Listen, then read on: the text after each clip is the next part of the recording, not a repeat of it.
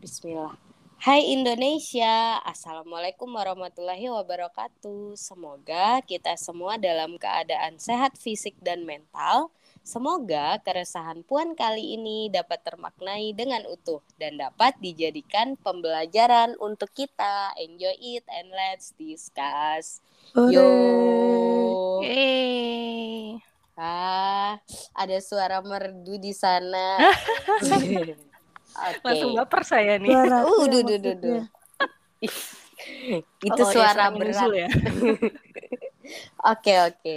Kita kembali lagi dengan online. Wes. Jadi uh, akhirnya uh, dengan kondisi yang semoga uh, cuma saya aja yang bindeng, pendengar tidak, uh, uh, pendengar uh, tetap sehat-sehat semua di Amin. cuaca Amin. yang habis hujan begini wah, enaknya mendengarkan suara kami wah Hmm, percaya diri banget ya Harus pede dong, harus ya. pede nih. ya dengarkanlah suara-suara perempuan-perempuan ini jadi di sini seperti biasa siniar puan kembali dengan keresahan-keresahan yang mungkin relate dengan beberapa pendengar ada saya Iva dengan Dan saya Nuzul. Kali ini kami ditemani dengan eh, siapa di sana, Mbak yang cantik jelita. Asik. Halo semuanya, saya Devina. Mungkin kalau yang jadi apa nih pendengarnya siniar Puan masih ingat dulu saya sempat bahas terkait dengan zodiak. Ini Ah. BTW tapi loncat banget ya ini dari Iya. judul zodiak langsung. Gak apa-apa Jadi- dong Bu, artinya Ibu multitasking. Multi Asik. talenta maksudnya. Multi talent. Oke, Iya. oke. Oke, nggak apa-apa. Karena Mhm. sebenarnya justru yang relate banget sama pembidangannya Mbak Devina tuh yang hari ini kan ya. Eh, bukan Madam Devina hari ini. Oh, ini tapi seru juga nih. Ini ada juga bahasanya terkait dengan karir nih. ah, iya. Kapan saya jadi Madam Devina, kapan saya jadi Ibu Devina. Iya. Asik. Loh, jadinya nanti ini dong cerita. Sebenarnya eh, bisa dua kaki gitu. dua kaki. Kan kaki saya memang dua. bener. Oh, iya. dua. Oke, baiklah. Saya yang salah sebut. Oke. Eh, hari ini pembahasan kita tuh eh, sangat apa ya? Eh, sangat sebenarnya mirip-mirip kayak pembahasan zodiak nggak sih Mbak? Kita ngomongin tentang perencanaan masa depan gitu. Asik. Benar. Heeh. Rencana masa depannya dengan memahami terkait diri sendiri dulu ya. Nah, iya kan. Jadi tuh kayak masih nyambung aja, cocokologi gitu. Cocok lagi. Oke, oke, oke. Bisa dipahami, bisa dipahami. Mm-mm. Jadi ceritanya itu berangkat dari eh kegalauan saya karena wes karena saya itu kan eh, sekarang tuh dapat amanah memegang eh apa ya satu un- unit apa sih Eh, Unit. satu divisi di di kampus itu kan yang eh, ngobrolin karir gitu. Karir center. Nah karir Mhm. center itu kan tempatnya mahasiswa sharing tuh tentang eh, karirnya. In case di beberapa situasi eh, mahasiswa kita itu ini mbak apa namanya gal eh, bukan galau banyak Dilema, yang dilema. iya mau Hmm. mau lulus gitu kan. Jadi secara kuliah dia normal tuh terus Mhm. eh, kamu ngapain skripsi dilama-lamain ibu saya masih bingung mau ngapain setelah lulus gitu Bener. katanya nah atau coba kita nanya mbak sama si yang pernah jadi mahasiswa nih yang fresh graduate nih ada cerita nggak sih kegalauan kegalauan perkara karir Kalau- atau gimana Oke, kalau saya sendiri sih Kak, sebenarnya Hmm. Kak dan Bu eh, belum kak juga nggak apa-apa kayaknya. Kan kita nggak jauh-jauh, diajar, kita kan sekohort kita. sekolah Sekohort. Ya gimana gimana Su? sih kebetulan belum pernah mengalami kalau yang bingung setelah lulus ngapain itu belum, cuman Mm-mm. lebih ke arah bingung eh, kan emang dari awal kuliah emang minat untuk lanjut kan untuk lanjut S2 cuman yang menjadi struggle itu malah di tempatnya gitu. Karena kan uh, kebetulan anak tunggal juga kan dan perempuan. Uh-huh. jadi struggle-nya sebenarnya lebih ke arah diizin orang tua gitu. Uh, uh-huh. jadi kalau misalnya setelah lulus mau ngapain sebenarnya nggak bingung. Karena emang kenapa kok memutuskan untuk lanjut S2 dan pingin ngambil profesi klinis karena yang pertama emang dilihat di daerah gitu. Hmm. Background daerah. Iya bu, eh, iya kak. Jadi Kenapa di daerah tuh background itu daerahnya?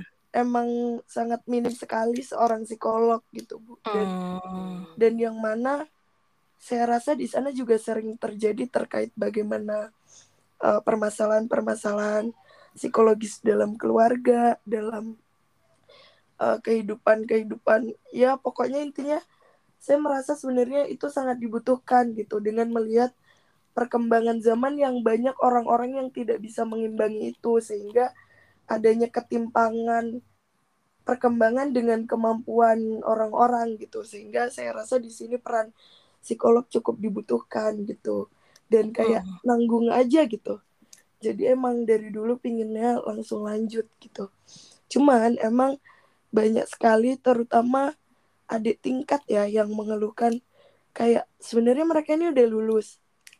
Hmm. Udah. Hmm. Adik tingkat udah lulus. Maksudnya udah udah sidang, udah sidang. Oh, hmm. uh, iya, udah ya, sidang juga terus, sih. Uh, uh, terus uh, kutanya kan kayak terus mau daftar wisuda yang kapan gitu. Terus mereka bilang nggak uh, dulu deh mbak, kayaknya ikut yang periode 2 soalnya nggak tahu mau ngapain setelah ini gitu jadi kayak hmm. banyak yang emang emang sengaja pingin molorin lulusnya gitu bu cuman karena nggak tahu setelah ini mau ngapain dan mungkin belum siap untuk dihadapkan pada realitas kehidupan ketika oh, memang sudah lulus gitu kayak misalnya gak dapat uang lagi dari orang tua terus hmm. mungkin uh, di tempat pertanyaan-pertanyaan tetangga yang ih sarjana kok nganggur yang kayak gitu-gitu sih bu. Hmm. Gimana gimana tuh mbak? Oke, okay. uh, uh, sebelum kita mulai menjawab ini ya keresahan-keresahan yang tadi udah disampaikan, eh sampaikan uh, tadi, mungkin uh, perlu kita pahami dulu nih apa sih sebenarnya karir itu gitu kali ya? Nah boleh. Oke, okay, sebenarnya karir itu banyak sekali definisinya gitu ya. Cuman mm -hmm. um, kita ambillah yang paling ini ya, yang paling umum gitu ya. Mm -hmm. Mungkin beberapa orang memahami karir itu adalah ya udah kita kerja itu namanya karir gitu ya. Mm -hmm. But it's not that gitu. Karir mm -hmm. itu sebenarnya lebih kepada uh, apa ya? pengalaman hidup. Jadi karir itu oh. sebagai proses oh. kehidupan gitu. Nah, tadi mungkin sempat dengar uh, kalimat di mana saya berposisi sebagai Madam Devina sama saya jadi Ibu Devina gitu tadi kan ya. Nah, karir itu sebenarnya uh, bisa terkait dengan pekerjaan, bisa juga bebas terkait dengan pekerjaan. Jadi lebih hmm. kepada peran gitu. Jadi nggak hanya peran dalam pekerjaan, tapi juga pada peran tertentu gitu. Kan karena nggak semua orang bekerja ya gitu. Cuma mereka ada proses kehidupannya gitu kan. Contohnya misalnya kayak ibu rumah tangga mungkin gitu. Ibu kos gitu kan. Itu ya adalah sih. perannya gitu kan. Nah, gitu.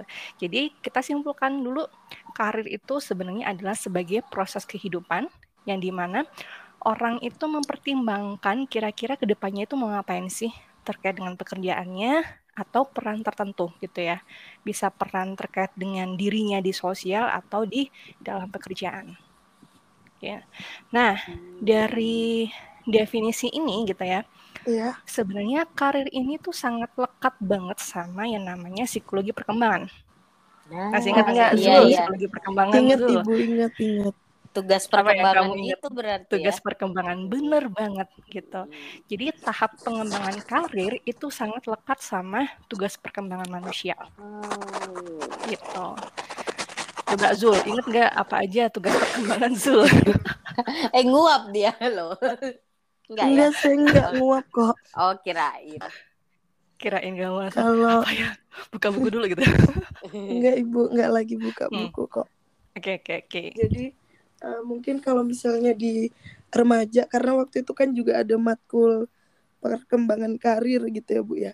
Jadi uh-huh, misalnya uh-huh. disesuaikan dengan kebutuhannya. Misalnya di situ mereka lagi uh, masa-masa dia ini uh, butuh apa sih kayak kondisi lagi cari jati dirinya gitu. Nah jadi uh-huh. untuk di situ itu nggak selalu tentang bagaimana dia harus uh, harus misalnya lanjut sekolah atau gimana tapi lebih ke arah dibimbing kayak misalnya uh, bagaimana dia mampu untuk menemukan jati dirinya itu gitu sehingga nanti untuk perkembangan karirnya itu meng mengikuti gitu nggak sih bu?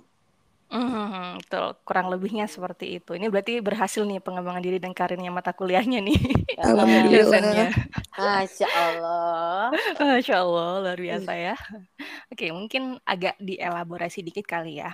Uh, kalau untuk tahap perkembangan itu kan sebenarnya kalau pakai yang paling sering dipakai itu yang paling terkenal adalah tahap perkembangan dari ini yang super lifespan rainbow gitu. Hmm. Jadi teman-teman kalau penasaran juga bisa lihat ini banyak banget di uh, Google itu uh terkait Langsung dengan super googling. lifespan rainbow gitu. Nah, rainbow.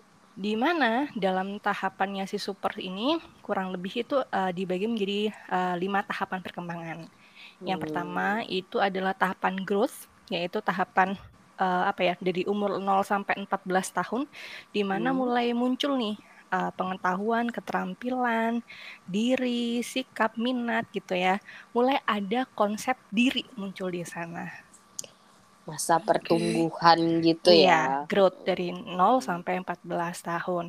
Lalu mulai 15 sampai 24 tahun ini uh, apa ya? Dari SMP SMA ya. Hmm, SMA hmm, ke hmm. kuliah nih. Hmm, Itu hmm. adalah masa eksploratory yang tadi oh. sempet diobrolin sama Nuzul nih di mana hmm. mereka tuh mulai mencari jati diri, mulai lebih spesifik, mulai coba-coba Nah, gitu. Jadi di mana uh, mereka tuh udah mulai spesifik sebenarnya tahapannya untuk uh, pengen ini deh kayaknya udah ada tumbuh minatnya gitu dan, dan udah mulai berpikir kira-kira saya minat ke mana gitu 15 sampai okay. 24 tahun tuh. Nah, pada umur 25 sampai 44 tahun itu biasanya individu tuh udah mulai kerja ya. Nah, di situ mulai udah mulai adaptasi sama dengan keadaan dirinya gitu sudah mulai mapan lah seperti itu. Nah, pada tahu uh, pada 45 sampai 64 tahun ini yang sudah mulai uh, maintenance-nya.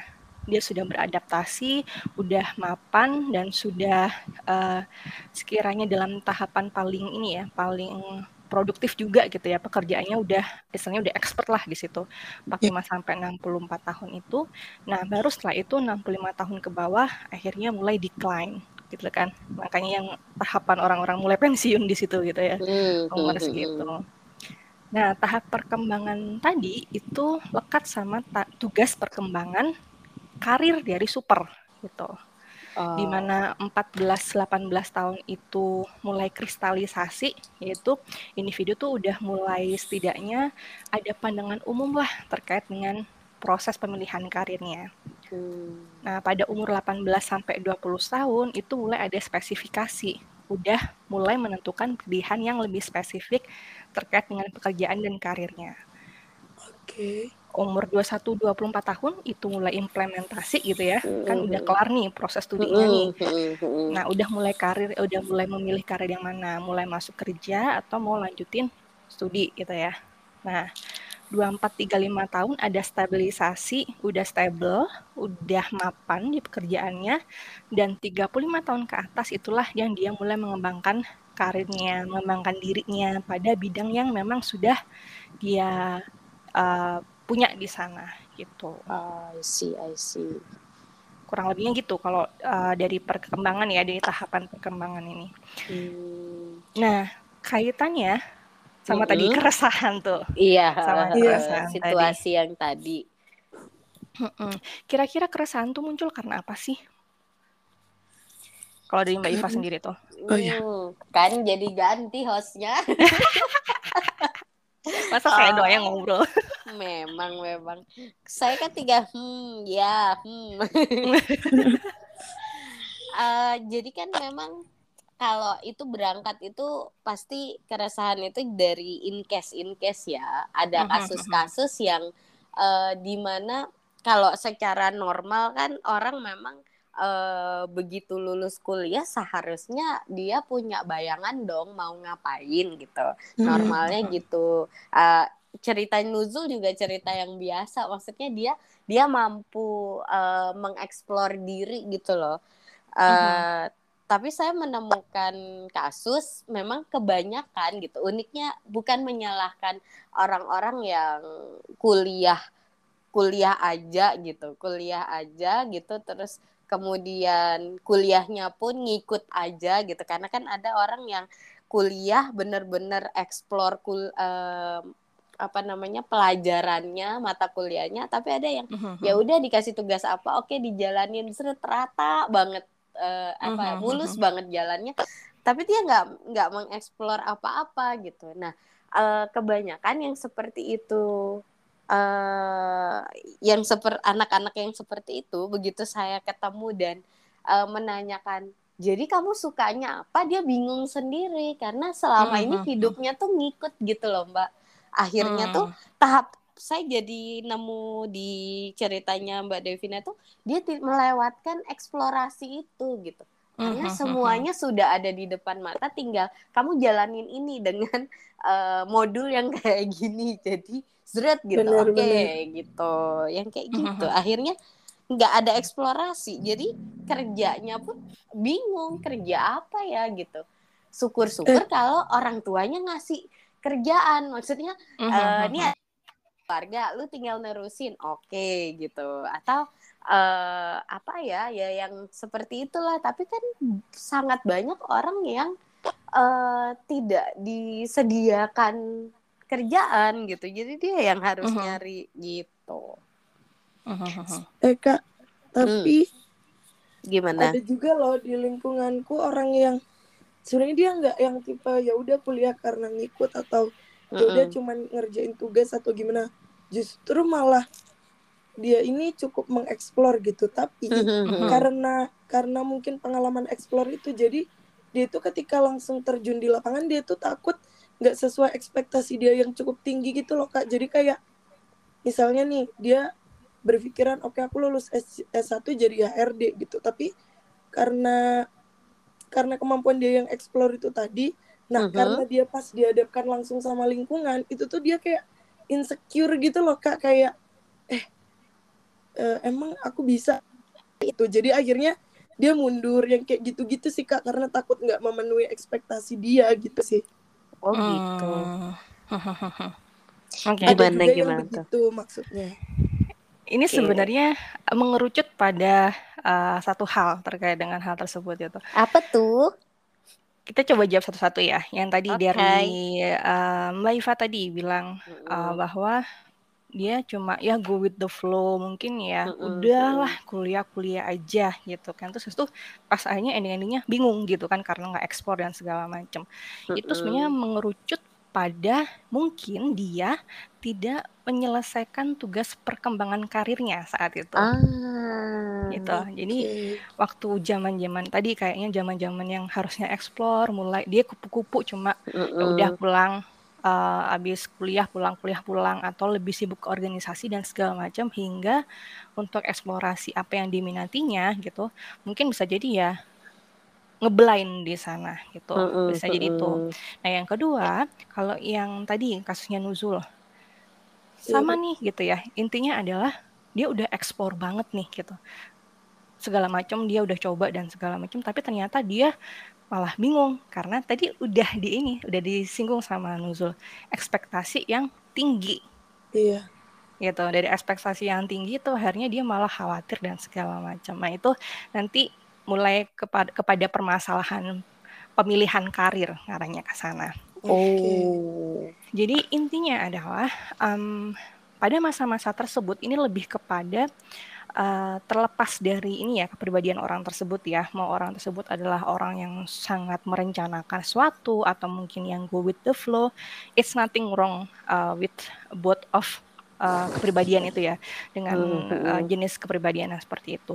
Cuma lebih bagaimana kita memanfaatkan gitu ya, mengelola diri kita, memanfaatkan resource yang ada di sekitar untuk nantinya kita gunakan dalam pemilihan karir kita, gitu. Kayak oh, tadi contohnya okay. misalnya uh, pada umur yang tadi tahapan perkembangan karir ya.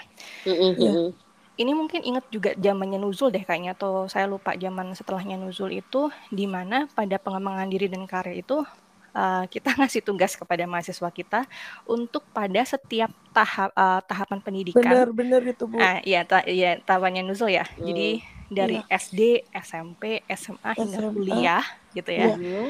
Mereka diminta untuk uh, membantu mereka dalam perencanaan karirnya. Benar. Nah, Perbedaannya apa? Kalau di SD suruh ngapain Zul? Kalau waktu itu sih kalau di SD kayak mereka lebih dikasih gambaran terkait bagaimana sih uh, apa aja sih profesi-profesi yang ada di lingkungan dia terus kayak hmm. dikasih tahu kayak dikasih pemahaman tentang profesi-profesi gitu sih Bu kayak dikasih tahu hmm. dulu Betul, karena memang oh. tugas perkembangan dan uh, pemahamannya mereka terkait dengan karir di SD itu cuma sampai segitu doang gitu. Jadi cuma kasih tahu mengenalkan. Makanya kenapa kalau zaman dulu, zaman kita nih Mbak Eva, kamu nanti kalau gede jadi dokter ya gitu, gede jadi guru ya, jadi PNS ya. Itu adalah pembelajaran yang diberikan kepada orang tua gitu kan, stimulus yang diberikan gitu. Padahal sebenarnya kalau uh, sekarang kan zaman udah mulai berubah ya. Dulu kita nggak ada Instagram, nggak ada youtuber, sekarang ada gitu kan. Iya, sekarang cita-cita itu lebih beragam gitu. Betul. Bener. Nah, pada umur segitulah kita bisa ngenalin nih ada berbagai ah. macam uh, karirnya, ada berbagai macam profesi. Karena umur segitu mereka kan cumanya tahu yang ada di sekitar mereka gitu. Nah, hmm, benar, benar. makanya pas umur segitu sangat penting untuk uh, orang tua atau lingkungan sekitar mengenalkan. Nah, dari SD mengarahlah pada SMP nih, SMP dan SMA di mana nggak hanya ngenalin aja, tapi udah hmm. mulai spesifik kasih iya, informasi ya, gitu. Misalnya kayak kalau kalau SMP misalnya lebih ke arah penjurusannya mau SMA atau SMK gitu ya. Yeah. Kalau punya SMA, ini apa nih? Nanti ke depannya kalian bisa ngapain aja peluangnya. Nah, udah mulai mengarah pada peluang nih. Di SMK hmm. juga apa nih gitu. Karena kalau untuk pemilihan karir itu kan banyak sekali ya faktor-faktor yang benar, mempengaruhi. Kayak genetik misalnya jadi uh, kayak mungkin pernah tahu kalau bapak ibunya dokter biasanya anaknya ikutan anaknya dokter, ya. dokter gitu kan. Itu Padahal, beneran genetik gak sih atau karena lingkungannya aja? Maksudnya emang sering banget kejadian kalau keluarganya keluarga tenaga mm -hmm. kesehatan gitu ya, ya mm -hmm. anaknya nggak jauh-jauh dari situ gitu. Terus kayak keluarga guru gitu, dia ya, mm -hmm. uh -uh, yang gitu-gitu loh mbak. Ya saya juga sering nemuin situ. Betul. Uh-uh. Itu sih kalau saya pribadi, kalau yang saya pelajari uh. itu sebenarnya both dua-duanya. Iya. Gitu. Oh. Genetics itu adalah lebih kepada uh, kemampuan potensinya dia gitu. Hmm, I see, Jadi I see, kan I see. kayak Kemampuan ibunya umum udah ya. pinter, uh, bapaknya juga pinter. Uh, kalau anaknya nggak pinter itu kan istilahnya sangat jarang sekali gitu ya. Iya. Tapi biasanya kan kemampuan intelektualnya sama gitu. Iya. Nah itu loh akhirnya biasanya juga mengikuti kecerdasan potensial dari bapak ibunya. Orang tua. Ah, I see, I see. Oh tadi saya nggak ini ya nggak putus ya, saya kok nggak nggak nggak kok. Oke. Okay. Ya. Aman aman. Terus uh, selanjutnya lingkungan juga sangat mempengaruhi. Kayak tadi misalnya kan pada umur yang masih uh, balita gitu, masih umur di bawah 10 tahun gitu, mereka modeling gitu kan pembelajarannya memahami terkait dengan apa yang di sekitarnya yang dilakukan oleh orang-orang di sekitarnya gitu. Benar, benar. Gitu. Jadi makanya persepsi karir mereka ya, ah kayaknya enak deh jadi dokter karena dia lingkungannya dokter semua gitu. Iya, ah, benar. Kayaknya enak jadi guru karena dia memahami profesi tersebut gitu. Makanya saran untuk uh, nanti mungkin dari calon calon-calon bapak, ibu atau kakak gitu ya. Untuk yang umur segitu uh, kasihlah berbagai macam um, profesi paparkan uh, dengan segala macam profesi kita gitu. perlu memperkenalkan gitu ya Mm-mm, harus memperkenalkan berbagai macam profesi biar nggak jadi kayak kata dalam tempurung gitu. Benar-benar karena pasti lebih mudah bagi para orang tua tuh menjelaskan profesi dia karena sehari-hari dia ngerjain itu Lakuin gitu. Itu, benar. Benar. Nah itulah kenapa hanya menjadi orang tua itu menjadi pembelajaran seumur hidup juga ya. Ah, menarik Karena sekali jadi orang tua. Ada, ya jadi iya. orang tua ya. Oh, nikah dulu nikah dulu nih. Ah, iya, Oke, selanjutnya kita balik lagi ya tadi yang ke SMP, SMA. Benar, benar udah mulai fokus ke karirnya ngapain mm. gitu ya dikasih gambaran nih gitu plus minusnya gitu terus profesinya ngapain aja SMA, uh, kuliah juga gitu kalau kuliah udah spesifik mm. nih terkait dengan bidangnya dia gitu mm kalau namanya uh, kalau SMA mungkin penjurusannya ngapain uh, mau mau kuliah atau mau kerja kalau di kuliah udah jelas penjurusannya dia nah itu karir yang bisa dimanfaatkan dari jurusannya dia itu apa aja gitu. Jadi tahapannya seperti itu. Nah, untuk orang-orang yang mungkin saat itu galau mau nah. ini apa aja, mau milih karir apa gitu ya. Bisa jadi yang pertama mereka kurang informasi. Hmm. Oke. Okay. Jadi kan kayak gini deh ini karakteristik karakteristik anak-anak zaman sekarang kayaknya nih. Kalau nggak ngalamin sendiri nggak bakal percaya. Hmm, iya iya iya. Atau kalau nggak dapet informasi atau dari pengalaman orang yang dia kagumi nggak bakal percaya. Mm-hmm. Apalagi gitu. dari orang yang dia nggak suka tambah nah, percaya. betul. Nah makanya sebenarnya uh, mm-hmm. bisa jadi tadi saya bilang mereka kurang ini mainnya kurang jauh nih. Iya. kurang cari informasinya gitu. Nyari informasi dan segala macam. Nah ini permasalahan kedua yang tadi kayak punyanya si uh, temannya Nuzul tadi. Temannya Nuzul. Terlalu over information overwhelm oh iya jadinya. jadi dia ini ya malah insecure sendiri gitu overthinking. Harus ngapain ah benar.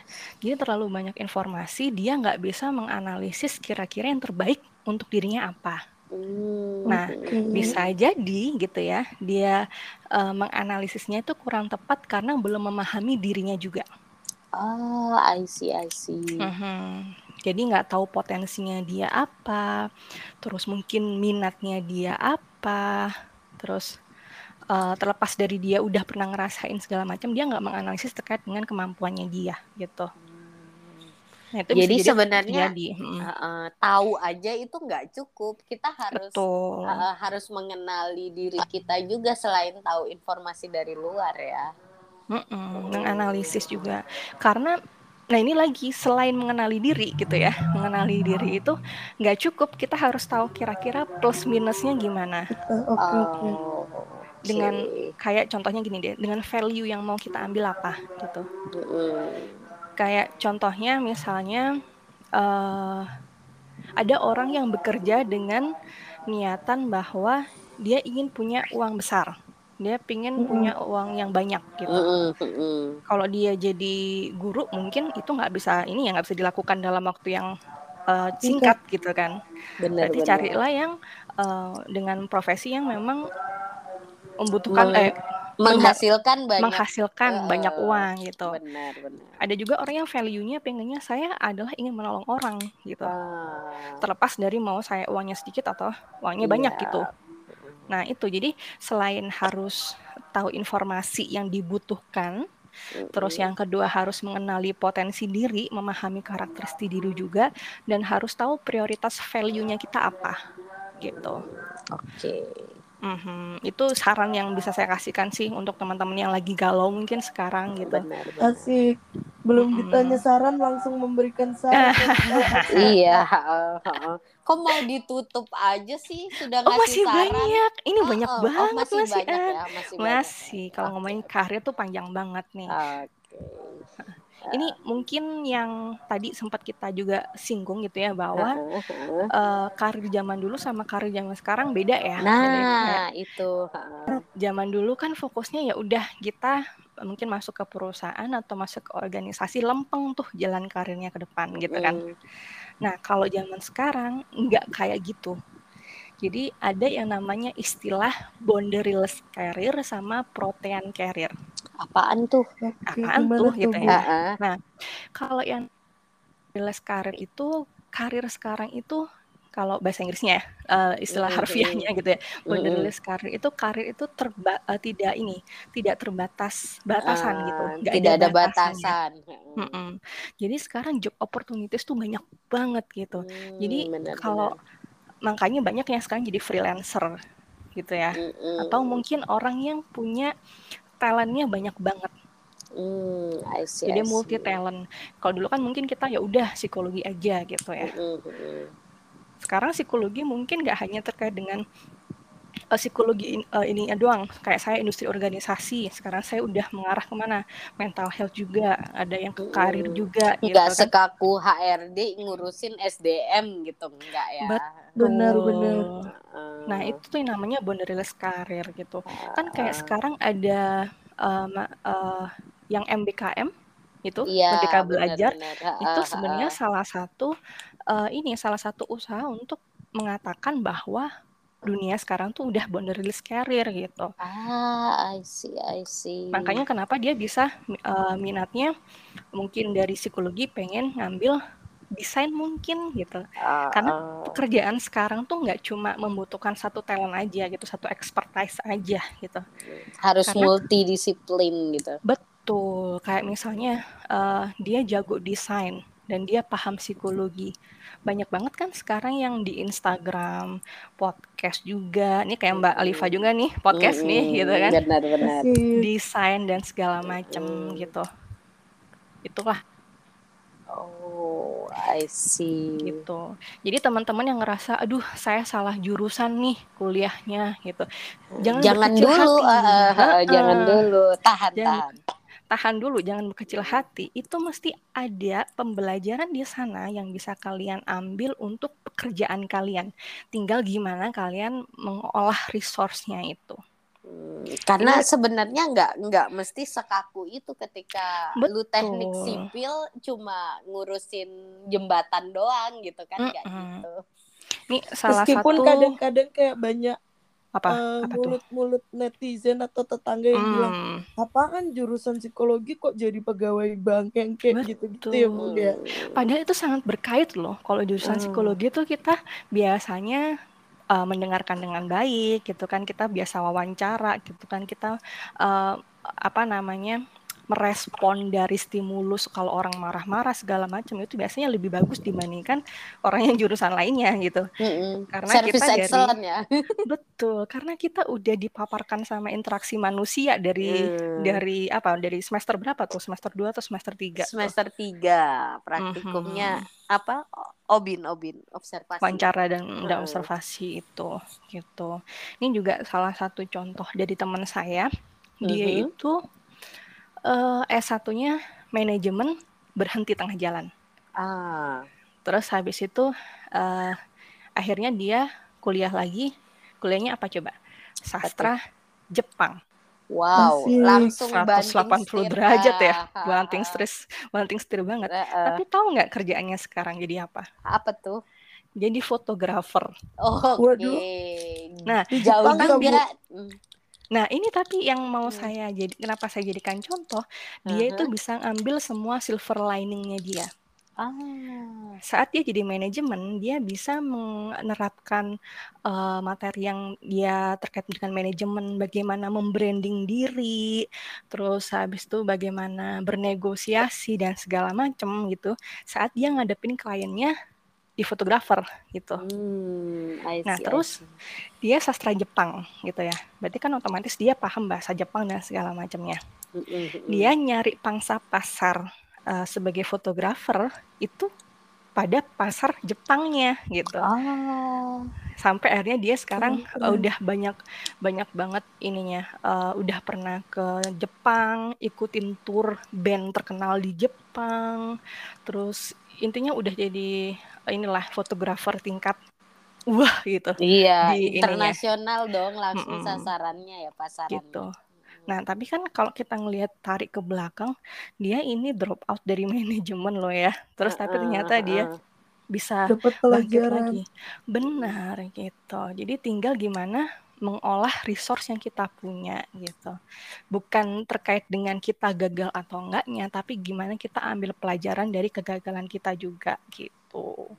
Jadi semua itu tidak dianggap yang setengah-setengah itu aduh ini nggak berhasil tapi yang dilihat adalah kamu punya uh, apa sih Iya, nih sudah punya bekal nih sedikit dari bagian ini gitu ya. Mm -hmm. Mm -hmm. Karena kalau logikanya nih, ini juga yang sering saya bilang ke ke teman-teman mahasiswa. Mm -hmm kalau kalian nggak suka ininya, nggak suka mata kuliahnya gitu ya, atau ngerasa kayak ngapain sih saya kuliah gitu ya. Mm-hmm. Jika dibandingkan dengan teman-teman yang nggak kuliah, kuliah itu adalah sebagai tempat untuk meningkatkan skills sebenarnya.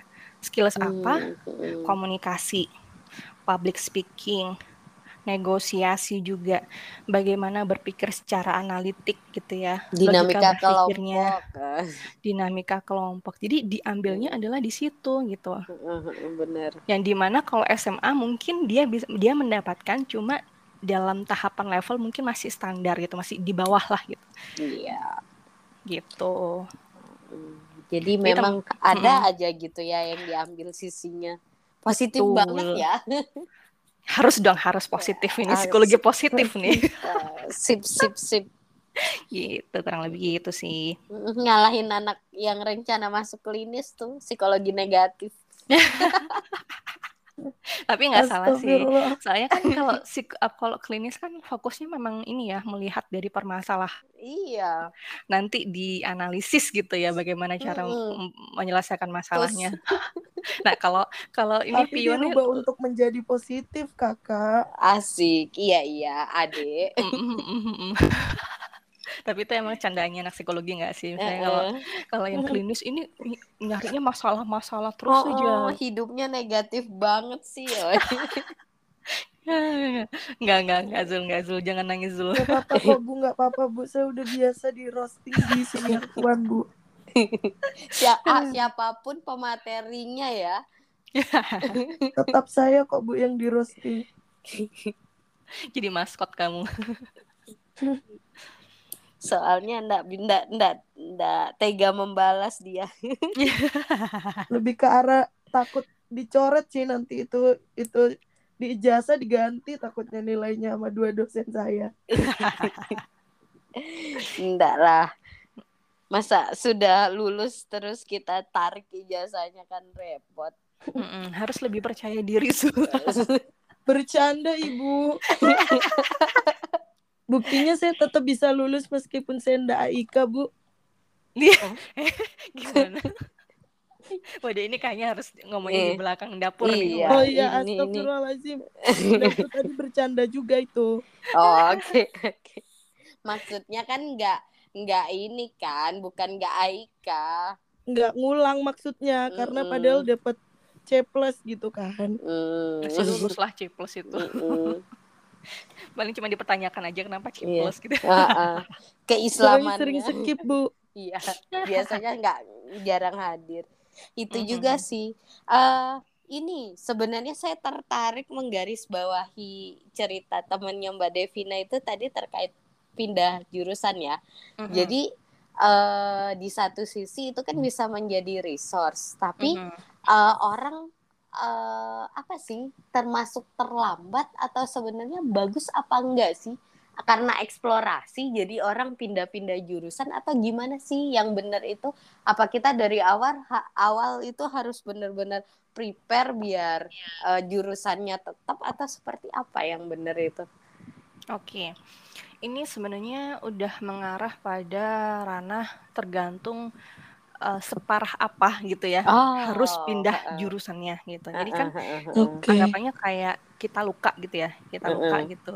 Ini perlu cuma di ya udah tetap aja lari gitu ya. Misalnya kayak kita uh, buru-buru gitu mau kampus terus jatuh uh, gitu ya. uh, uh, kalau lukanya cuma lecet ya udah masih bisa diatasi kan.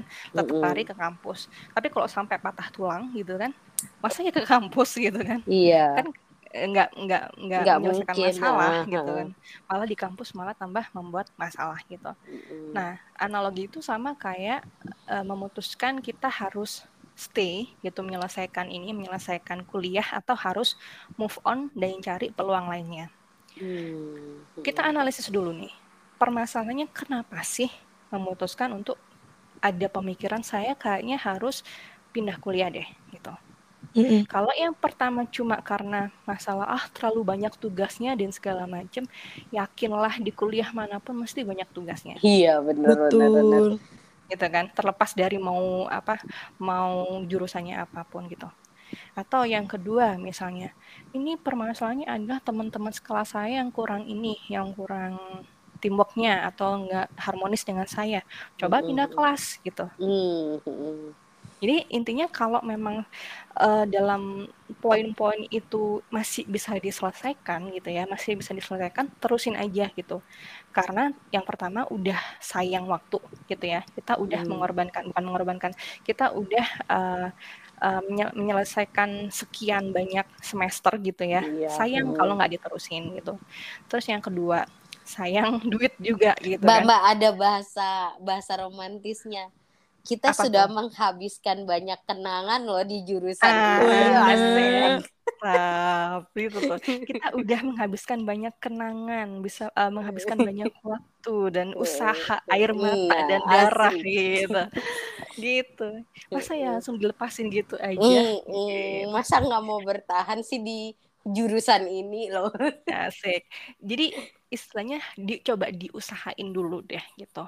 Tapi kalau uh, at some point bingung gitu ya bingung mm -hmm. ini saya harus uh, lanjutin atau enggak nggak apa-apa kok kalau kalian mau uh, kalau di UMM kan ada ini ada BK-nya ya mungkin mm -hmm. bisa kalian tanya kepada dosen kalian mungkin atau mungkin jika memang benar-benar uh, pengen yang objektif mungkin ke psikolog juga nggak apa-apa mm -hmm. gitu jadi coba Karena, tes diri mm -hmm. dulu gitu cek mm -hmm. potensi gitu ya betul cek potensi bakat minat konseling mm -hmm. juga gitu untuk yaitu uh, mendalami mindset kalian itu kenapa sih kok harus pindah jurusan gitu ya. Setelah semua usaha yang dilakukan dan ternyata memang jalan terakhirnya adalah harus pindah gitu ya. Uh-huh. Dan didukung gitu ya misalnya sama orang tua ya udah pindah aja, ada resource-nya juga, ada duitnya uh-huh. juga gitu. Ya udah nggak apa-apa pindah gitu. Jadi intinya uh, seperti hubungan asik Asik. Suka diusahain dulu ya. diusahain dulu aja gitu. Dulu. Tapi kalau sudah berkali-kali usaha dan nggak ada hasilnya gitu ya. Gagal. Maksudnya dalam dalam nggak ada hasil ini beda ya. Ada nggak ada hasil itu karena kita emang nggak bersungguh-sungguh gitu ya. Uh, uh, benar, Atau benar. bisa nggak ada hasil, mm memang kita sudah bersungguh-sungguh dengan maksimal tapi tetap mm jalan di tempat gitu. Mm Benar-benar. Gitu. Kalau memang udah nyoba terus ternyata uh, hasilnya gak maksimal barulah kita bisa pindah ke jurusan yang lainnya. Gitu. Oke oke. Menarik. Jadi memang sangat uh, informatif. Mm -mm, benar benar benar. Ini tuh ternyata bayangan saya tuh untuk apa pasar dedek-dedek calon uh, maba eh ya calon maba yang bingung mau kuliah apa atau uh, adik-adik yang calon lulusan sarjana yang bingung mau kerja apa ternyata enggak ini tuh bahkan bagi semua kalangan siswa dan mahasiswa yang sedang galau dengan hidupnya ter mhm, terkait -huh. jurusan yang dia ambil gitu Asik. Karena emang uh, kayaknya permasalahan karir itu di setiap stage developmentnya tuh ada gitu. Mm -hmm. Kayak kita kerja pun gitu ya kita kerja pun ada masanya ini saya cocok nggak sih di tempat kerja ini gitu harus hmm. pindah nggak sih nah iya, itu juga benar, terjadi benar. gitu atau bisa juga ini ada permasalahan antara uh, rumah tangganya sama kerjaannya nggak bisa bagi waktu itu juga permasalahan karir gitu kan apakah aku harus bisa kalau yang perempuan tuh lebih banyak galaunya ya maksudnya uh, uh -huh, bukan uh -huh. mendiskreditkan tapi karena uh, posisinya kan kalau kita biasa terbentuk dengan budaya yang bekerja laki-laki. Jadi perempuannya galau. Oh. Aku setelah nikah ini mau lanjut kerja atau aku resign gitu-gitu kan uh -huh, ada tuh. Uh, Bener. Ini perkara karir juga berarti ya. Betul, semuanya perkara karir. Jadi seperti tadi di awal kita mengatakan hmm. karir itu adalah perjalanan sepanjang hidup gitu. Asik pantas aja apa namanya pengembangan diri dan karir ya nama mata kuliah yes. kita. Nah, uh, benar Jadi sekali. tidak hanya sekedar karir itu tidak terbatas di uh, jenjang pekerjaan gitu tapi ternyata sepanjang hidup kita asik keren hmm. juga ternyata ini filosofi nama matkul asik sama ini juga nih tadi saya sempat bilang protein carrier ya nah iya itu tuh protein karir itu secara garis besarnya itu adalah karir itu ditentukan oleh individu sendiri gitu. Hmm, kalau zaman tuh? dulu kan, kalau zaman dulu tuh karir seorang itu kan biasanya manut dari organisasinya Orang ya. Bukan, Bukan dari organisasinya. Ma Jadi maksudnya kayak jenjang jabatan gitu loh, Zul. Betul. Oh. Jadi kayak uh, ini nih uh, udah tiga tahun, udah lima tahun uh, ber uh, menjadi karyawan kita saatnya uh -uh. udah naik naik jabatan gitu. Uh -uh. Terus kayak ini nih udah 10 tahun tetap aja di sini nggak ada perkembangan uh -uh. ya udah dipindahin ke mana gitu kan. Uh -uh. Kalau dulu tuh kental banget terkait dengan value yang seperti itu, praktek uh -uh. yang seperti itu. Namun sekarang enggak gitu. Adanya protein career, protein career itu adalah di mana diri kita gitu ya. Jadi career choice kita mau mengembangkan diri atau enggak itu tergantung dari individu ini sendiri gitu ya. Hmm, Kayak kita aja sekarang gitu ya Mbak Alifa. Hmm. Kan ada ini nih, ada untuk boleh ini boleh ambil pelatihan apa pun gitu yang diinginkan. Ah, gitu benar kan. benar benar. Terus, Terus sekarang nggak mesti nunggu urut kacang gitu kalau mau lanjut S3 ketika Betul. kamu punya potensi bisa langsung nggak harus nunggu oh yang 10 tahun kerja dulu baru boleh S3 yang lima tahun kerja nanti dulu mm -hmm. gitu. Nggak boleh nggak oh itu mm -hmm. istilahnya protein kal karir. Protein karir oh protein bukan protein. protein bukan ya bukan protein ya. Protein karir. karir betul. jadi seperti itu. Jadi kita mau maju enggaknya ya tergantung dari diri kita, kita. sendiri gitu. Mm -hmm, mm -hmm. Gitu. Jadi benar-benar uh, apa namanya uh, segala sesuatu itu dibalikin ke kita ya. Mm -mm, mm -mm. Karena sekarang kan juga zaman udah mulai berubah ya. Jadi orang yang hmm. sangat dinamis gitu ya. Orang yang bisa beradaptasi dengan dinamisnya dunia ini adalah orang yang bisa bertahan gitu. Jadi kalau kita nggak ini, kalau kita nggak berubah, kalau kita nggak bisa beradaptasi, ya say seleksi goodbye lah gitu. sih, seleksi alam gitu. Mm, ya bahasa kasarnya gitu lah ya seleksi Betul. alam. Bahasa IPA loh itu. Ah, iya iya bener. Bahasa kan itu bahasa anu di hutan seleksi iya, alam. betul. bahasa kasar makanya tak bilang. Yang pakai itu hewan soalnya seleksi alam. Iya. Kalau di ini siapa yang kuat itulah yang bisa bertahan di atas. Hmm, oke. Okay. uh, sebenarnya masih pengen ngobrol-ngobrol lagi tapi karena uh, satu terputus dan sudah 53 menit nih Wah, daripada terasa ya. Uh, daripada kita diputuskan oleh mesin, oh kok mesin sih aplikasi, mending kita yang uh, apa namanya mengakhiri, uh, mengakhiri dengan bijaksana sih. Asik. Jadi kalau tadi yang saya garis bawahi itu uh, terkait bagaimana karir ke depannya, kita memang harus kenalin diri kita sendiri, informasi yang cukup sama tahu value kita apa sih dalam kehidupan gitu. Uh-huh. Uh, kira-kira nih ada catatan terakhir lagi nggak sih dari uh, Mbak Devina sebelum kita akhiri? Hmm, kurang lebih sama sih. Jadi intinya harus pahami dulu diri kita sendiri apabila kita ingin uh, memilih karir kita dan apabila dalam tahapan kita uh, memilih karir tersebut ada kegagalan itu nggak masalah. Ada namanya evaluasi gitu ya. Benar, Tinggal benar. kita melihat dari kegagalan itu apa yang kita bisa ambil, yang bisa kita perbaiki sehingga kita tidak jatuh ke lubang yang sama. Gitu. Luar biasa kelasnya. Asik. Akhir-akhir ini kita punya pembicara yang banyak banget kata bijak, mutiara. Bijak ya, Kak, ya. Benar, benar, benar. Merasa tersanjung saya. Asik. Uh, dari Nuzu ada ini nggak apa namanya pesan biar jadi yang tidak sulit dalam menentukan atau mengenali diri. Oh, saya tahu saya mau ngapain gitu. Sebenarnya sebagai contoh. Sih, Karena kayak ya yang pertama disadari dulu emang mm. kemampuannya seberapa gitu dan dikenali uh, lagi emang uh, passionnya di mana sih jadi nggak asal nggak asal cuman karena ngeliat ih enak nih kalau misalnya orang ngambil profesi klinis habis itu kalau bingung cari kerja tinggal buka praktek nggak sesimpel hmm. itu sih hmm. tapi dilihat lagi kayak misalnya kemampuan diri terus passion jadi ketika nanti nyemplung hasilnya juga maksimal gitu sih. Ya benar benar benar. Ya saya suka tuh uh, menggarisbawahi kenali potensi diri baik dari uh, Mbak Devina maupun dari Dek Nuzul karena memang uh, kadang uh, beda antara percaya diri sama uh, kepedean gitu. Mm -hmm, Ketika betul, kita percaya diri, kita tahu oh ya saya unggul di sini, tapi saya kurang di sini, maka harus begini. Uh, uh, Oke, okay. seperti biasa, uh, alhamdulillah keresahan yang punya pe, punya gestar itu selalu menimbulkan uh. banyak tips and trick asik.